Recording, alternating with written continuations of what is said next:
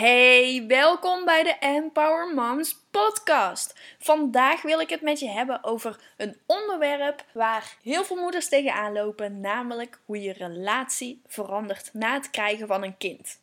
Dit gebeurt bij iedereen die een kind krijgt. En of het nou je eerste kind is, of het tweede, derde, vierde, vijfde kind, het maakt niet uit. Elke keer nadat jij een kind hebt gekregen, verandert je relatie. Want elke keer komt er weer iemand bij en zul je je aandacht dus moeten verdelen. En dit heeft invloed op jouw relatie met je partner. Als jij nu terugkijkt naar de periode voordat je moeder werd, hoe was jullie relatie toen? Was jij toen tevreden over je relatie? Had je struggles? Was je niet helemaal tevreden? Deden jullie heel veel dingen samen? En hoe is dat nu? Hoe is dat nu als jij kijkt naar je relatie op dit moment? En ik kan het me nog goed herinneren op het moment dat ik voor het eerst moeder werd, dus dat Evie werd geboren. Toen veranderde mijn relatie enorm. Want ineens hadden we niet meer 24-7 aandacht voor elkaar. Eigenlijk op het moment dat je vrij bent en je woont samen, dan heb je heel veel aandacht voor elkaar. En toen Evie werd geboren, toen veranderde dat natuurlijk heel erg. Want je bent alsnog heel veel samen, maar eigenlijk ook weer niet helemaal samen, doordat je minder gesprekken hebt met elkaar. Je hebt minder diepgaande gesprekken. Je communiceert minder met elkaar. Je hebt minder quality time samen. Dat is van enorme invloed. En dat is altijd een beetje zoeken naar de balans van hè, wat is goed voor mij, wat is goed voor mijn partner. Hoe is het krijgen van een kind van invloed op een relatie? Ben ik überhaupt nog tevreden over mijn relatie? En als dat wat minder is, waar ligt dat dan aan? Zo zijn we telkens ook een beetje gaan kijken naar wat missen we nou eigenlijk. En wat wij heel erg misten was echt die tijd samen. Want met een kind is het toch anders. Je kunt hè, niet zomaar spontaan dingen doen. En je kunt niet meer zomaar spontaan ergens naartoe. Je hebt altijd rekening te houden met je kind. En dat was wel iets waar wij best wel aan moesten wennen. Je kunt niet meer eventjes gewoon, hè, als je zin hebt, gewoon even uit eten gaan. Je moet gewoon van alles voorbereiden. En dat is ook helemaal niet erg. Ja, ik bedoel, ik wil er absoluut niet over klagen. Maar het is wel iets wat verandert en wat dus wel van invloed is. En toen zijn wij dus ook gaan kijken hoe kunnen wij er in ons leven voor zorgen dat wij het dus nog steeds leuk hebben met elkaar. Hoe kunnen wij ervoor zorgen dat onze relatie er dus niet onder leidt? En wat wij dus heel erg belangrijk vonden is dat we regelmatig tijd voor elkaar vrijmaken. En dat kun je ook gewoon plannen. Hè? Je kunt gewoon avondjes vrij plannen. Wij doen dat ook regelmatig. Zetten we in onze agenda. Nou, vanavond willen we gewoon even tijd voor elkaar. We spreken niks af met anderen, zetten onze telefoons uit. We doen niet open als er iemand voor de deur staat. En uh, we willen gewoon niet gestoord worden. En weet je, dan ga je gewoon gezellig met elkaar kletsen, met een wijntje erbij. Echt quality time samen. Dat je echt tijd hebt voor elkaar. Of gewoon lekker samen in bad, weet je wel. Maar gewoon echt iets met z'n tweeën. En ook niet de hele tijd over de kinderen praten. Want dat is ook een valkuil, hè.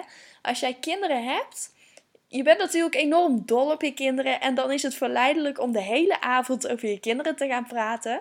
Maar dat is dus ook wel een beetje een valkuil. Want als je alleen maar over de kinderen praat, dan heb je nog geen diepgaande gesprekken, zeg maar. Dan heb je nog steeds geen idee wat je partner bezighoudt. Of heb je het nog steeds niet over wat jij nou eigenlijk graag wilt. En juist die communicatie is essentieel als jij een goede relatie wilt hebben.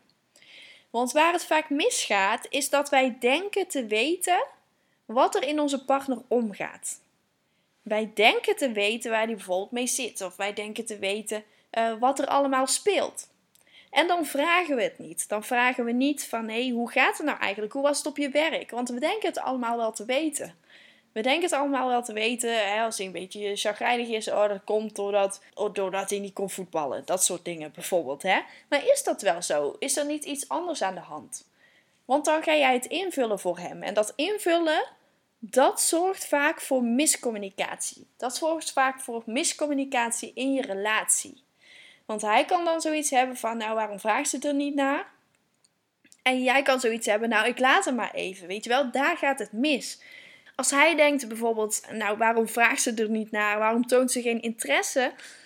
Dat is niet fijn. En als jij denkt van, nou ik laat hem maar gewoon, hij zegt ook niks tegen mij. Nou, dat zijn twee verschillende behoeftes. En dat gaat op een gegeven moment, gaat dat botsen.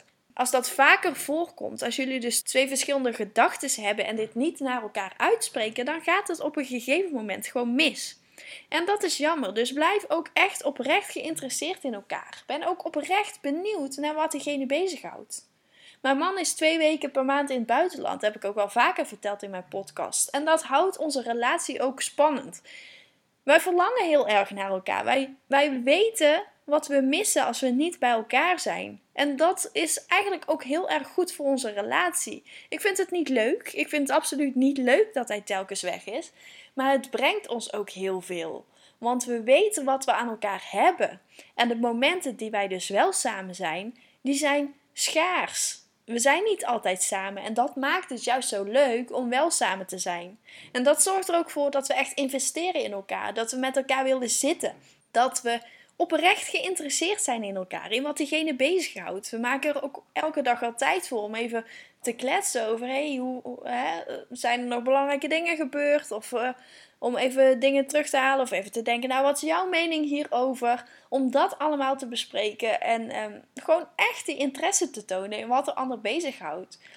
Dat houdt je relatie gezond. Dat hebben we allemaal nodig. En ik wil ook niet zeggen, nou, je partner moet ook twee weken weg of dat soort dingen. Absoluut niet. Maar ik geloof wel dat het gezond is om elkaar de ruimte te geven. Dus om elkaar de ruimte te geven om de dingen te doen die de ander wil doen.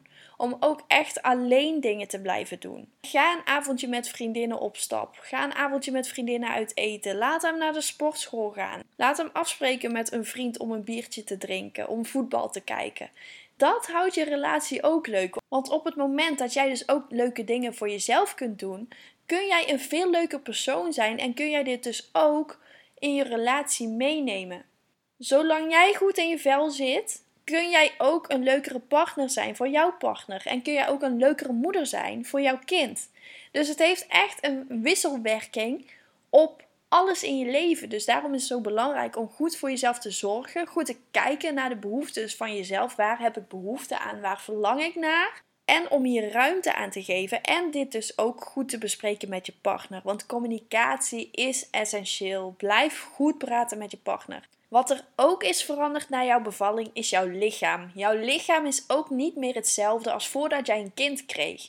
Jouw lichaam hè, is misschien wat slapper. Je hebt misschien meer een buikje. Je bent misschien een aantal kilo nog zwaarder dan voorheen. Het kan lastig zijn om dit te accepteren. Het kan lastig zijn om hier goed mee om te gaan. Heel veel moeders zijn onzeker over hun lichaam. Dus als jij dat ervaart, je bent absoluut niet alleen.